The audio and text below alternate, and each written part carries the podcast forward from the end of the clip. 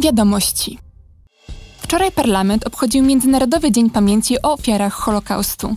Z tej okazji podczas sesji plenarnej w Brukseli przemówienie wygłosiła Irene Szaszar, jedna z osób ocalałych z warszawskiego getta.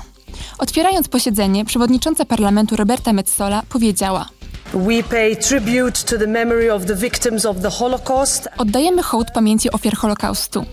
Potwierdzamy nasze niezachwiane zaangażowanie w walkę z antysemityzmem, rasizmem i wszelkimi innymi formami nienawiści. Europa pamięta. and all other forms of hate. Europe remembers. Irena Szaszar urodziła się w 1937 roku jako Ruth Lewkowicz. Wraz z matką przedostała się kanałami z getta do innej części Warszawy. Ukrywano ją tam do końca wojny. W swoim przemówieniu opowiedziała o tamtych latach. Następnie odniosła się do obecnej sytuacji na Bliskim Wschodzie i zaapelowała do Parlamentu Europejskiego.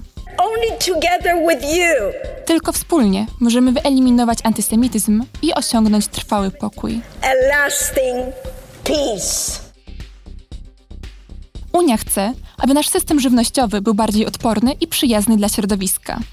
Dlatego Komisja Ochrony Środowiska przyjęła stanowisko w sprawie wniosku Komisji dotyczącego nowych technik genomowych.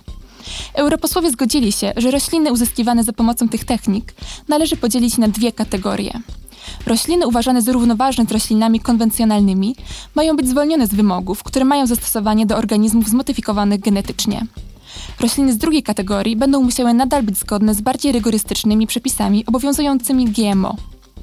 Posłowie zgodzili się również, że w produkcji ekologicznej wszystkie rośliny uzyskane za pomocą nowych technik genomowych powinny dalej być zakazane. Wtorek odbędą się wysłuchania dziewięciu krajów, które chcą gościć siedzibę nowego Urzędu do Spraw Przeciwdziałania Praniu Pieniędzy. Państwa te przedstawią swoje oferty i odpowiedzą na pytania posłów oraz przedstawicieli Rady. To pierwszy raz, gdy wysłuchania publiczne są częścią procesu wyboru siedziby nowej agencji unijnej.